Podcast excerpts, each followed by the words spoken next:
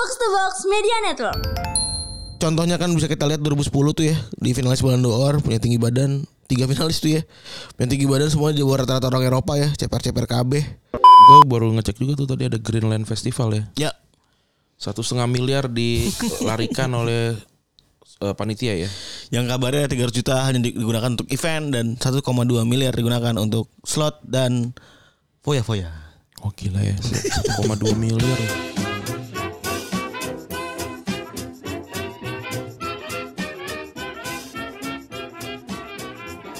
Podcast Retropus episode ke-626 masih bersama Double Pivot andalan Anda gue Randy. dan gua Febri Oke, selamat hari apa sekarang? Senin. selamat hari Senin teman-teman Eh, yang rame di media sosial ini ya, gue baru ngecek juga tuh tadi ada Greenland Festival ya. ya Satu setengah miliar dilarikan oleh eh, panitia ya. yang kabarnya 300 juta hanya digunakan untuk event dan 1,2 miliar digunakan untuk slot dan foya-foya Oh gila ya, 1,2 miliar loh. Itu duit dana investasi ya. Seperti itu ya biasanya kan eh gue sebagai orang mengadakan acara atau mempunyai instrumen apa pun gitu kan berhak untuk menawarkan kepada teman-teman sendiri kan. Itu Bandung tuh ya. Bandung terus menerus ya. Lagi-lagi yang dulu seperti apa namanya? Postpone ya. Ya postpone jadinya. Tapi by the way ini jadi ngerusak industri sendiri. Karena kalau ngomong soal investa- investasi ini jadi sebuah presiden buruk. Iya. Lu bakal susah nyari investor. Dalam artian investor personal lu bohongin, perbankan nggak bisa ngeluarin. Ya udah. Selamat lah gitu maksud gua. Tapi nggak nggak mudah bikin fe- festival musik atau festival apa pun ya karena kalau lu hitung-hitung aja misalnya harga band harga band Indonesia tuh yang biasa 50 gitu misalnya Ya. 50 band yang bagus 100 gitu misalnya belum kita nggak ngomongin soal Seven Noah segala macam yang mungkin harga 300 ya Dewa tuh nggak pakai vokalisnya 300 tau gue Iya bener. Nah, misalnya misalnya kita ngundang 10 band eh, 5 band 50 juta terus 5 5 band 100 juta. Artinya ada 750 juta tuh. Belum lagi sama riders, kamar hotel dan juga akomodasi. Taruhlah jadinya 900 Hmm. 900 juta. Bulatin lah 100 eh 1 miliar. Dah, belum rigging, terus belum lagi eh, sound, belum lagi eh, lighting, belum lagi eh, keamanan, perizinan segala macam segala macam. Taruhlah jadinya tambah 400 1,4. Bulatin satu setengah m. Satu setengah m nih. Terus lu jual tiket 100 ribu Hmm. Misalnya. Atau jangan deh jangan seratus ribu dua ratus ribu deh dua ratus ribu. Jual tiket dua ratus ribu.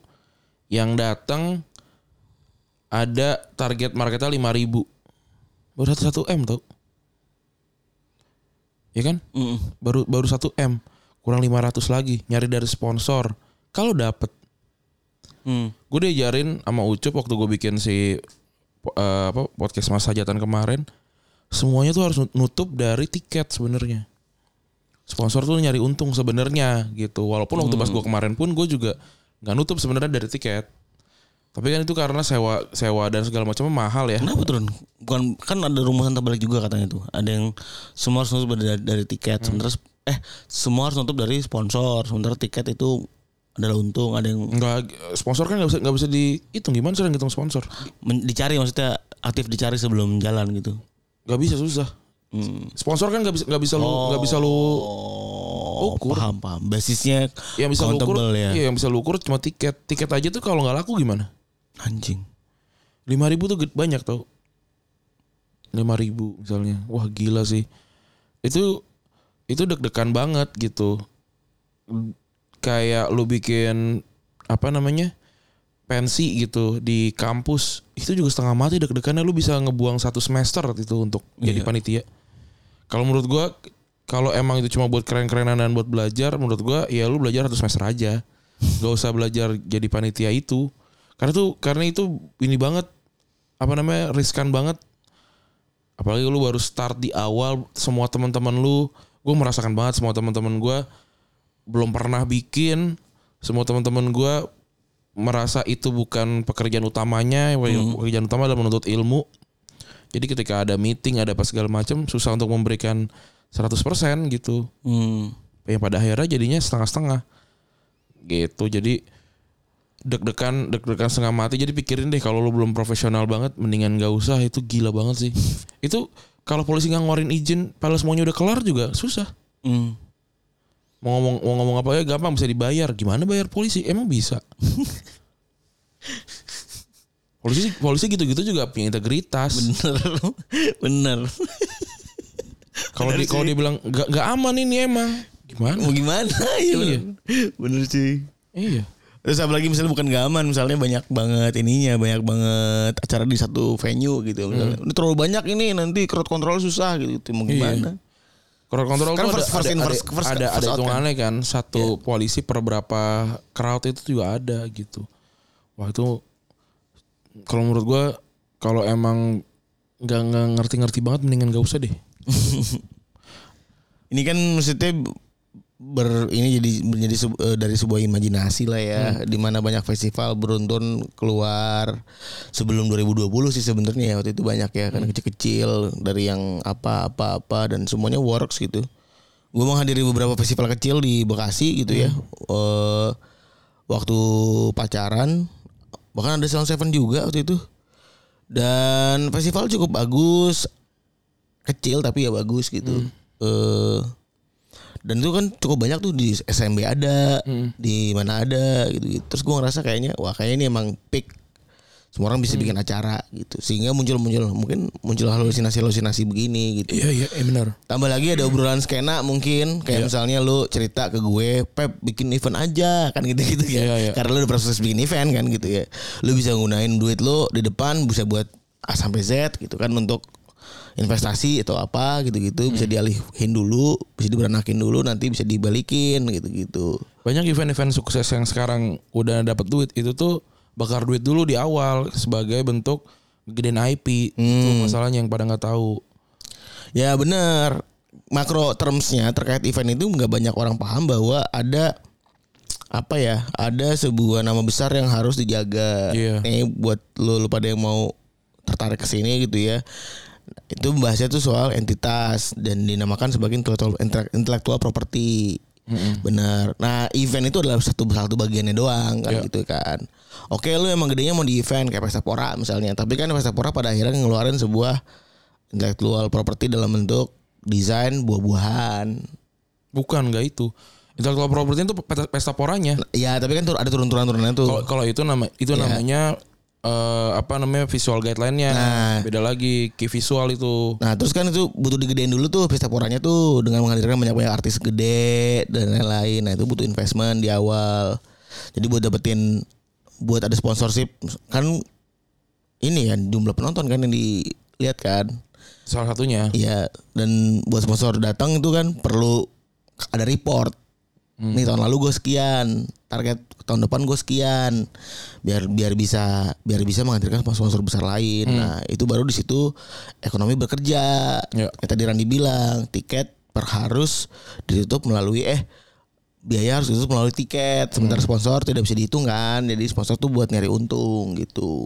Ya sebenarnya kayak gitu eh, sederhananya kayak gitu cuma ya pada akhirnya jadi tumpang tindih tuh kalau kalau lu masih belum masih belum bisa kecil-kecil dulu aja kecil-kecil lihat dulu. Karena si Pesta Pora pada akhirnya sekarang kan dibeli IDN Ya betul. jadi mereka udah udah menang tuh. Kalau udah sampai sampai dapat apa namanya udah sampai dapat pendanaan gitu. Di awal gue yakin juga pasti bleeding. Ya. banyaklah cerita-cerita cerita-cerita soal hal-hal kayak gini yang yang dikiranya wah mantap gitu. Padahal mereka bleeding gitu. Gitu juga juga banyak. Bukan dari- bukan bukan cuma satu dua festival Sepakat. banyak banget. Dan bukan cuma festival aja kayak apa kayak perusahaan kayak kayak apa namanya kayak komik tuh. Komik-komik kan juga pada pada sekarang lagi pada drop. Karena dulunya mantap tiba-tiba hype turun. Sedangkan investment udah masuk atau banyak orang-orang baru yang masuk dengan harapan gede udah udah bikin infrastruktur tiba-tiba gone gitu. Bagi sekarang Indonesia kan tahun politik Lain lain komik juga hilang ya? udah hilang. Eh nggak tahu sih gue Eh webtoon ya? webtoon nggak tahu gue nggak pernah ngikutin lagi. udah udah susah. Basicnya semua bisnis sama ya Maksudnya mau bisnis event juga Tadi bahkan si Ucup Gue juga baru ingat juga ya Si Ucup udah dibeli IDN ya Mm-mm. Udah dibeli IDN udah, udah, udah mantap tuh Maksudnya berarti udah ada fund, funding masuk Udah ada fundraising juga Berarti kan udah udah works tuh IP-nya udah ada yang percaya gitu ya Walaupun kita nggak tahu valuasinya berapa tapi jelas objektifnya ke sana dan menurut gua sebenarnya kalau festival ini hidup, kalau festival ini bisa jalan, itu menguntungkan juga sebenarnya buat kawan-kawan musisi kan gitu ya. Iya kalau dilihat Pesapora kemarin tiga hari segede gitu, gue yakin nggak kurang dari sepu- eh, 15 sampai 20 miliar tuh kemarin keluar tuh buat bikin acara kayak gitu. Artinya valuasi valuasinya Ucup. Pesapora sendiri mungkin 10 kali lipat ya kali. Ya tergantung cara Iya memvaluasinya. bisa kan. jadi Mis- misalnya taruhlah jadi 100 miliar gitu. 100 miliar misalnya. Terus Bisa. kalau misalkan dibeli eh, setengahnya eh, 49 persennya aja berarti kan 49 miliar tuh Ucup udah ngantongin. Ya. Ucup dan tiga temannya Ya. Adi sama Ucup dan Karena buat orang buat tim kayak IDN itu butuh buku Raun.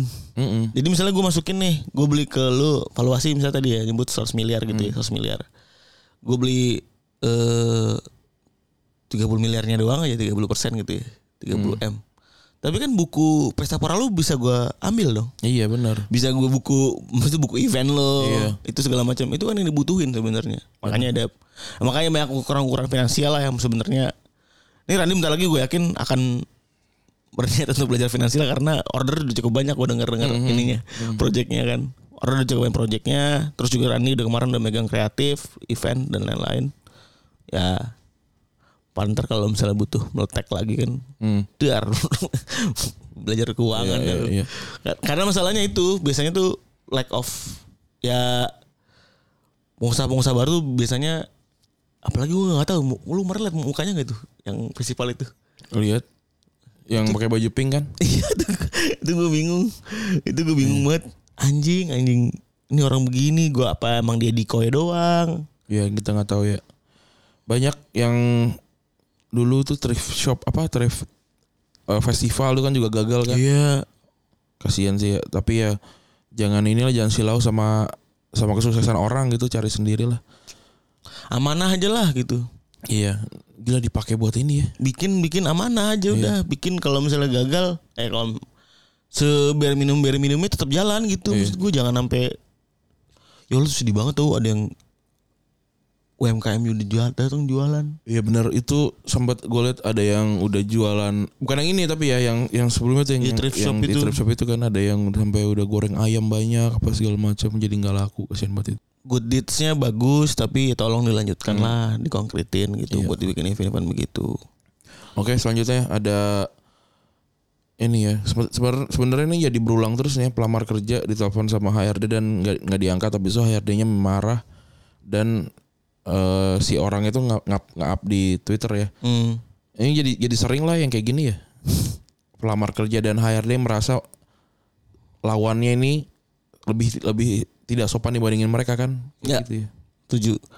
Ini pangkal pangkal masalahnya gue menurut gue pribadi eh kalau yang sekarang ini ada di HRD ya, Hmm. merasa superior dibanding yang lain. Walaupun sebenarnya kan gini loh, kalau ini kalau misalnya apa namanya kalau misalnya eh, pelamar kerja senyebel nyebelinnya paling cuman p p lamaran gitu gitu kan. Lu dan kita HRD bisa punya opsi buat nyuekin gitu nggak perlu nyeramahin nggak perlu apa ya udah biarin aja kalau emang mati mati aja lo gitu kan kan bisa begitu kan Hmm. kan bisa begitu nah ini pangkal muaranya ini menurut gua banyak memang HRD yang merasa superior Hmm. yang merasa si paling ngurusin gitu Gue tapi gini ya, gue percaya ini tidak benar. Tapi kalau gue gua, kalau gue yang nyari, gue yang di bawah sih. Udah gue mau gitu aja. kalau apa Kalau gue yang nyari, gue yang di bawah posisinya. Kalau gue nyari kerjaan nih, ya udah hari mau ngomong apa juga ya udahlah.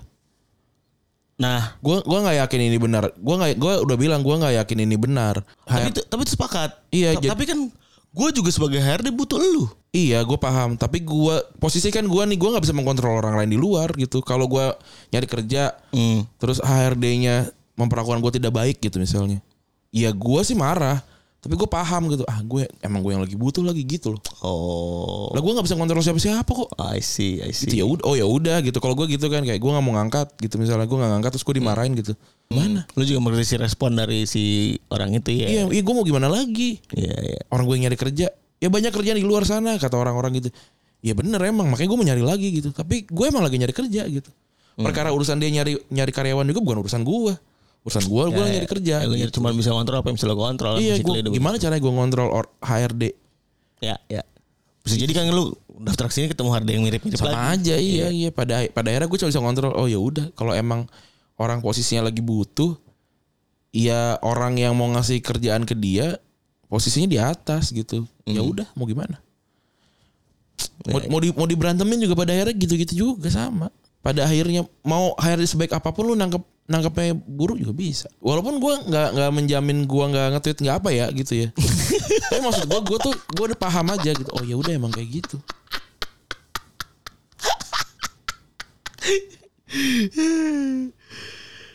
So, harus dip- harus dipahaminnya gitu sih. Iya, iya. Mau gimana coba kalau udah kayak gitu? Perusahaannya juga tetap jalan, orang ini nggak tetap nggak dapat kerja. Orang ini nggak dapat kerja, terus or- banyak orang-orang lihat ih anjing dia nih yang rame nih, HRD yang se- setelahnya juga siap-siap standby kayak wah bisa jadi begini lagi. Mau apa? Mau gimana pun dia benar atau salah. Kadang orang sibuknya nyari dia kenapa dia benar atau dia salah sih susah. Anjir. Bukan sebuah pandangan baru ya. Iya. Tapi tuh gue melihat ngomongin benar salah tuh jadi menjadi masalah banyak orang loh. Hmm. Gue masih melihat ya, karena gue kan lagi mencari diri gue sendiri kan. Hmm. Oh ternyata masalah gue kemarin-kemarin adalah gue cenderung mencari benar salah. Hmm. Sehingga kalau gue melawan arus gitu ya, tanda kutip nih, salah menurut banyak orang misalnya, tapi gue tahu kenapa gue melakukan itu kenapa gitu ya. Itu gue nggak mau ngelakuin. Iya. Jadi cuma ngikut doang kerjaannya. Oh, kalau gue juga gitu. Kan gue cuma maunya gue doang.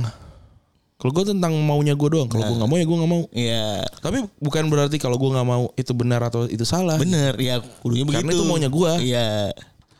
Ideal pada akhirnya maunya apa sebenarnya? Pahamin dulu gitu. Jadi kita memilih sesuatu tuh ada basisnya, ada layarnya. Kenapa sih? Kenapa sih? Kenapa sih? Kenapa sih daripada ngikutin orang? Iya. Kalau nggak mau nggak mau. Kalau mau ya mau. Iya. Setuju, setuju. Terus eh Gedis Kretek Udah nonton lo? Udah baru dua episode. Bagus. Bagus sih. Tapi gue nggak nggak ngikutin bukunya. Jadi gue nggak tahu sebenarnya cerita tentang apa sih. Hmm. Gitu. Oke oke tapi ya ini cukup ramai dibicarakan ya di medsos karena wah jadi geser. Oh iya. Wah istilah. jadi geser. Support merokok dan ngerokok itu keren. Apa? Oh iya iya. Ada ada ada ke sininya. ada maksudnya ada yang ngecengin yang gue takutkan dari gadis kretek adalah nanti ada stigma cewek ngerokok itu keren. Emang kalau kenapa bisa sampai kayak gitu ya? Maksudnya kenapa dia kepikiran kalau cewek ngerokok itu keren ya? Kenapa dia berpikiran orang akan berpikiran kalau cewek merokok itu keren ya?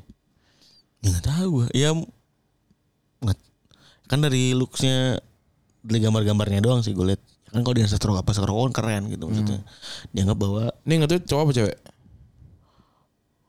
gak inget gue tapi anonim kayaknya deh. Non binary. Non- tidak terlihat maksudnya wah, nah jenengnya ora ora ora, ora ketok gitu gua gua nggak tahu dia laki apa cewek ada dan dan cukup ada yang banyak yang ngomong gitu gitu Ya kalau dalam versi yang berbeda-beda ya kalau merokok mah mau cewek mau, mau cowok mau cewek mau cowok sama aja. hmm. Kalau cowok merokok kan katanya bakal impoten. Kalau cewek merokok dia bakalan eh, susah punya anak dan apa gangguan kehamilan gitu kan. Mm-mm. Ya posisinya kalau dia kalau dia memang mau bertanggung jawab sama badannya dan sama kehamilannya dan sama calon anaknya nanti ya ya nggak ngerokok. Tapi kalau dia kalau dia nggak kalau dia merasa enggak emang gue nggak mau punya anak dan segala macam ya ngerokok aja gitu. ya Jadi diaturin diaturinnya gitu aja sih. Orang udah ada udah ada gambarnya juga.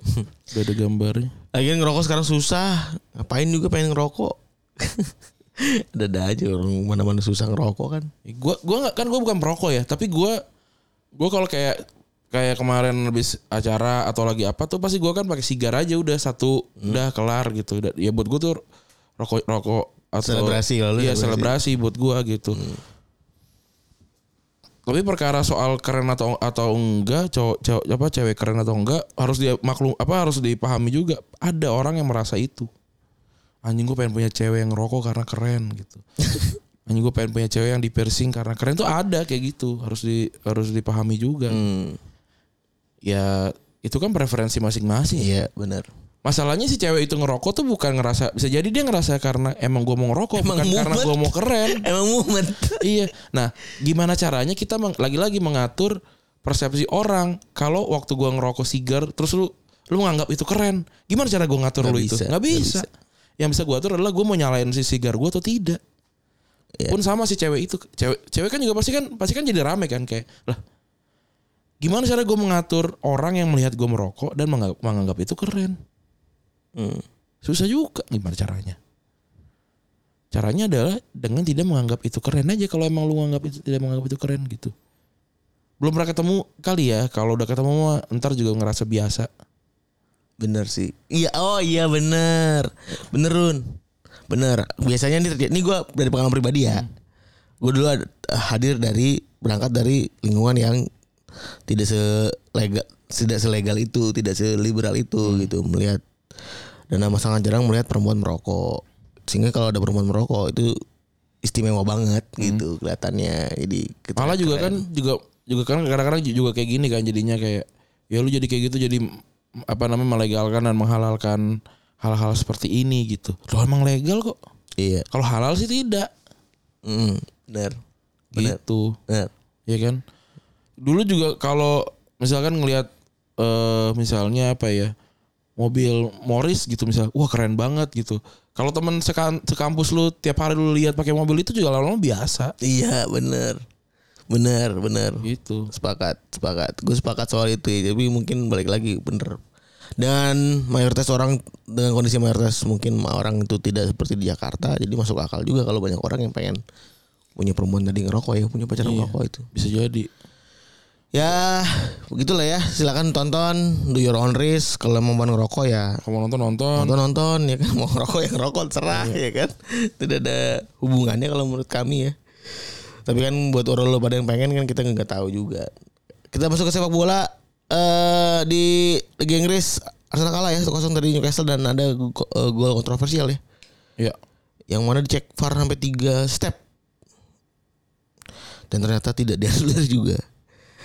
Ini balik lagi ko- konsep konteksnya masih pro- masih kontroversi ya Run ya. Tidak tidak bodoh gitu maksudnya. Tidak sebodoh kemarin. Ya Eh, Liverpool seri lawan Luton dan City bantai Bournemouth eh, 6-1 dan MU menang lawan Fulham 1-0. Di Liga Italia Milan mulai kececer dan persaingan karena eh, kalah 1-0 dari Indonesia. Atlanta kalah satu dari Inter sementara Fiorentina kalah eh, 1-0 dari Juventus. Ini dua masih di atas ya. 28 poin. Ini pemuncak klasmen Liga Spanyol masih Girona ya. iya karena Barcelona eh kemarin eh, Real Madrid seri Anjing nih Girona. Gue ngeliat main-mainnya ya biasa aja Biasa aja ya? iya bukan yang kumaha-kumaha teuing ya maksudnya ih, ini mah oh, momentum aja ini berarti ya iya lagi good form si Girona menang 4 kali beruntun dan di di di La Liga dan Madrid imbang 0-0 sementara Barcelona menang 1-0 ya lawan Iya. Sociedad. Ini juga menarik nih kalau misalnya Girona bisa sampai atas eh dan kita juga tunggu Girona tuh kalau nggak salah dari dari Catalonia juga deh ya elah tetap sama ya Iya.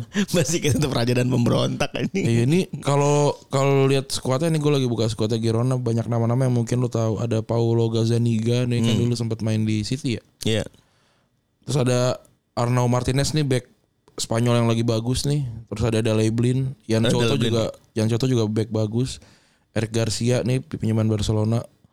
Terus ada Viktor Sigankov ini gelandang dari Ukraina ya ini bagus juga. Eh, terus ada Pablo Torre pinjaman dari Barcelona juga nih Iya. main bagus. Tapi gua nggak tahu dia main apa enggak ya. Ada yang mungkin dikenal lagi adalah Porto yang eh, dari Spanyol, Christian Stuani. Terus ada Savio nih, Savionya PSV berarti nih. Hmm. Udah itu tuh yang yang pemain-pemain bagus ya. Oh. Ya bisa ngangkat lah ya. Hmm. Oh dia main si Pablo Torre nih. Pelatih Di- siapa Run? pelatih siapa ya namanya lupa gua. Lupa nama pelatihnya. Hmm. Berarti tidak. Oh ini si Mikel ini sih yang yang pernah pernah ngelatih Valencia juga berarti ya. Oh. Pelatih pelatih udah kawakan. Tapi gak bakalan juara pasti. Iya benar kalau juara sih susah ya. Tapi lucu lumayan lah buat lucu-lucuan kan. Ya ntar mungkin bisa kita bahas juga tuh tentang tim-tim dari Katalan kali ya. Ada aslan itu apa? Espanyol, Girona, Hospitalet anjing. itu juga ada di situ. Nih Girona tuh kalau nggak salah Katalan ya. Menarik. Lupa gua. Iya. Berarti basisnya kalau Spanyol tuh ya melulu soal itu ya pemberontakan dan kerajaan aja deh bolak-balik ya. Iya. Ma kalau nggak Madrid, Real Madrid, Atletico. Iya benar Girona dari Katalan. Iya. Dan hari ini kita akan membahas eh karena ulang tahun ya si Marco Verratti ya kan eh pemain yang tingginya cuma 1,65 Hmm. ada jantung pertahanan eh Enggak dong di depannya lah. Iyalah ya. Eh jantung pertahanan lagi. Di jantung tengah ya kan. Hmm. di jantung tengahnya PSG dan juga Italia. Kalau di FM tuh jago banget ya kan. Hmm. salah satu dari 2013 kayaknya salah satu yang dapat rekomendasi tinggi tuh ya untuk Ya. dibeli. Beli beli Verratti beli Verratti beli Verratti terus selalu ada tuh rekomendasinya. Padahal tinggi badannya cuma 1,65 ya. Dan itu ini cukup menarik. Eh kalau secara karir ya lu bisa lihat lah ya Verratti ini eh sebenarnya kalau ngomong itu tidak istimewa banget cuman dalam hal ini pembedanya dia adalah dia dari Italia langsung berangkat ke Paris kan gitu ya.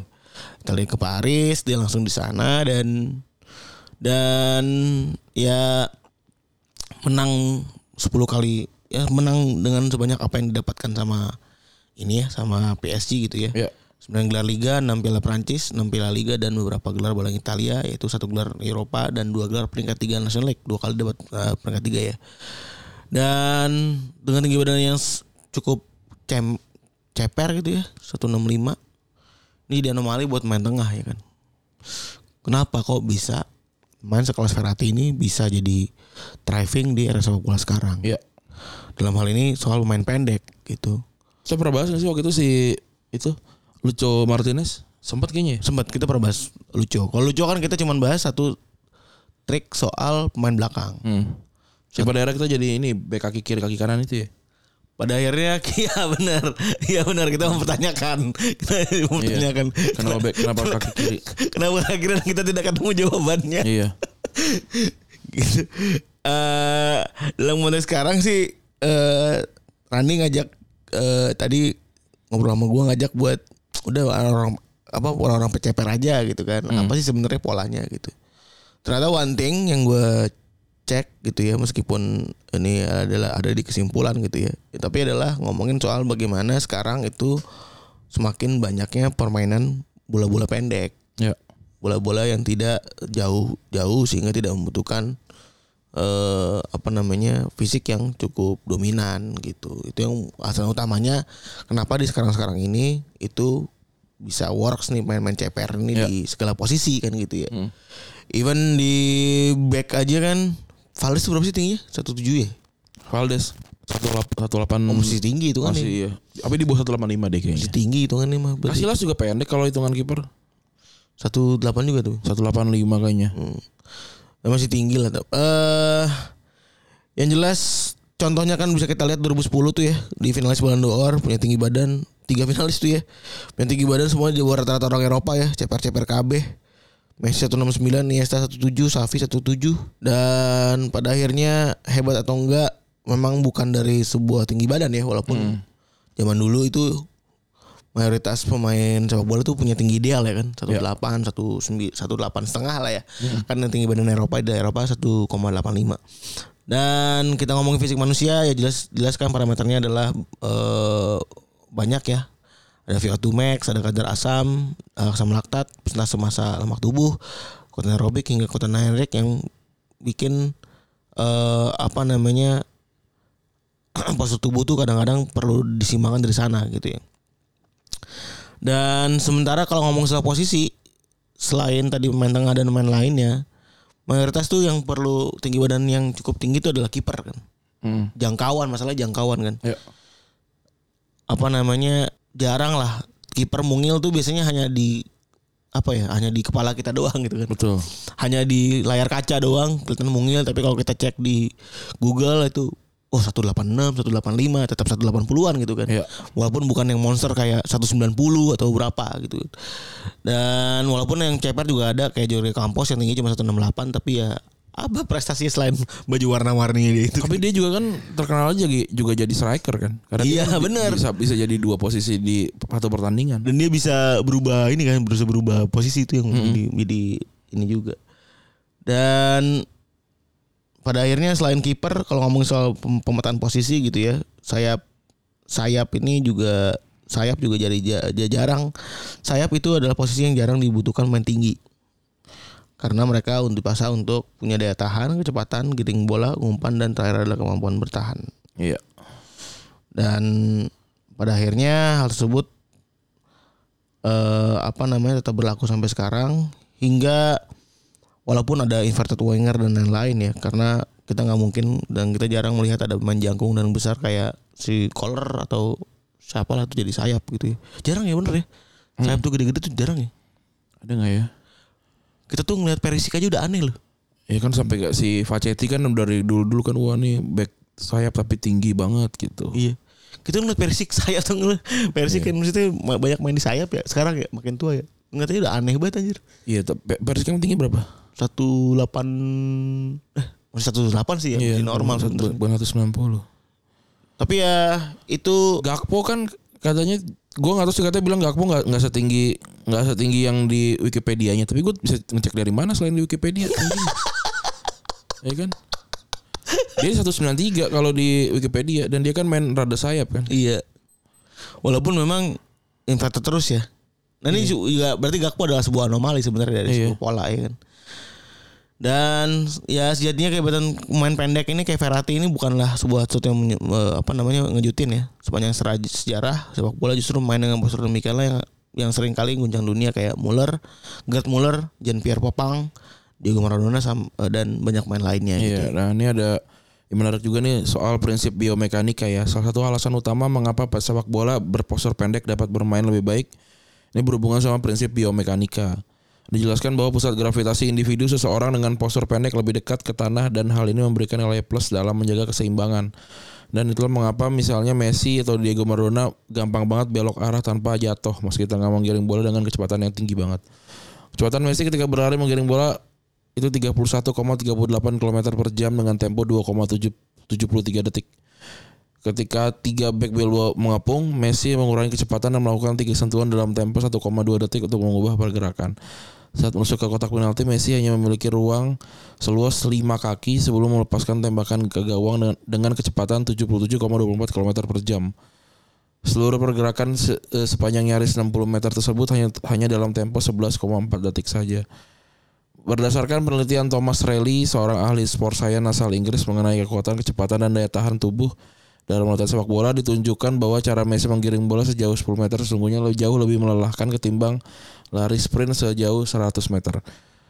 Messi berkali-kali melakukan perubahan kecepatan saat menggiring bola dan menyebabkan otot-otot juga harus melakukan kontraksi dan relaksasi secara berulang. Dalam kondisi tersebut, produksi asam laktat pada otot yang memberikan sensasi rasa pegal juga akan lebih besar. Sehingga efeknya membuat seseorang jauh lebih merasa lebih lelah. Tapi bukan cuma Messi sama, sama Maradona, tapi juga banyak pemain-pemain lain kayak duo Prancis Alan Gires dan Jean Tigana itu tingginya tadi 1,62 dan 1,68. Thomas Hassler 1,66, Pierre Liba- Li- Littbarski 1,68 dari Jerman dan legenda Skotlandia Jimmy Johnson 1,57 dan Archie Gemmill 1,67 atau yang lebih fenomenal lagi Garinca 1,69. Iya. Gila ya.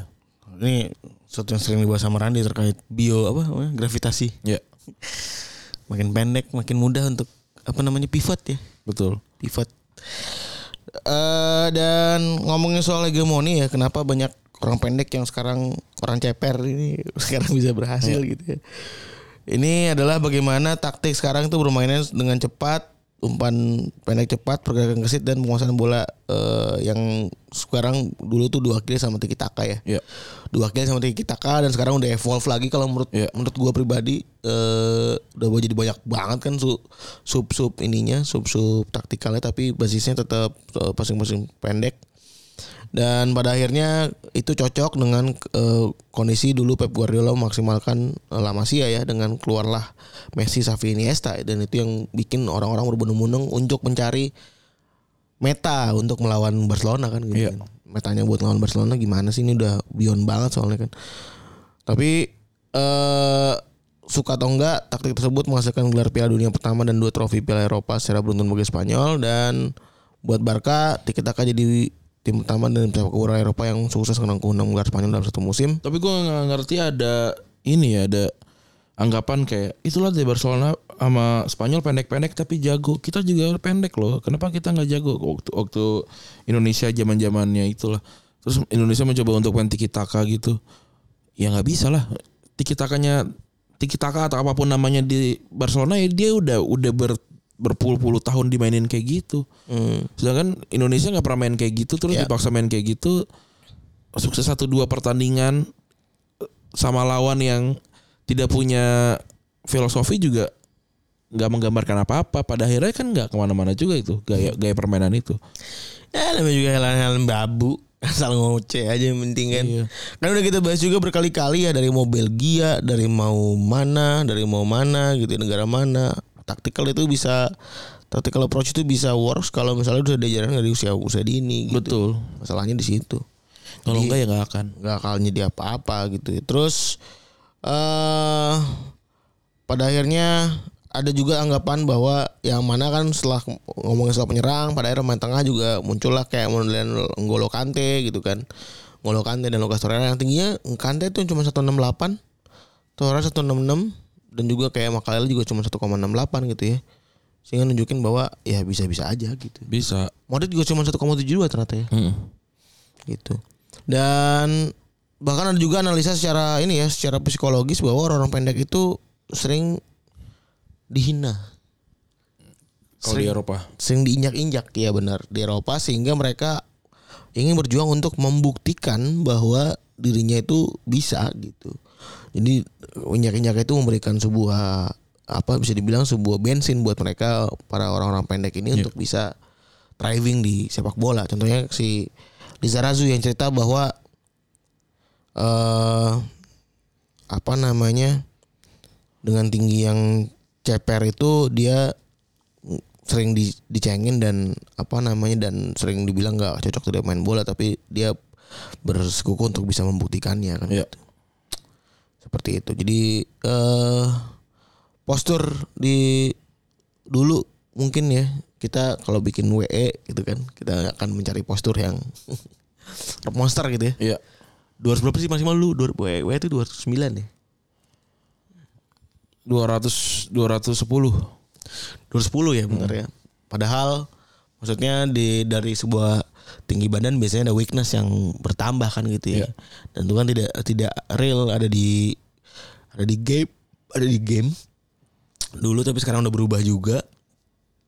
Dan tadi ya plus minus kalau pendek itu ya akan jauh lebih mudah dari si dari posisi mana pun dari back kita udah pernah bahas main tengah udah kena bahas Iya. main depan kita udah sering banget bahas ya ini memungkinkan bahwa memang ada sebuah pola ini ya pola permainan yang berubah dan kepake pada akhirnya. Iya orang-orang seperti ini gitu.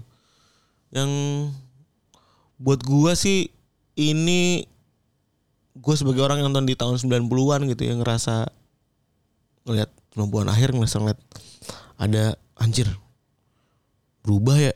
Iya eh ininya kontestasinya gitu ya melihat sisi lapangan yang tadinya full full orang-orang po- orang-orang apa namanya? Fisik banget ya. Iya. Sekarang berubah jadi orang-orang mostly orang-orang taktikal yang justru biasanya orang-orang fisikal ini ekstra gitu. Betul.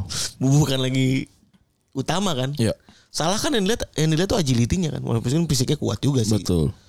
Tapi ya agility kecepatannya aja. Iya, oke. Itu kalian untuk episode kali ini ya. Makasih teman-teman yang sudah mendengarkan. Gue Rani cabut. gue perlu cabut. Bye.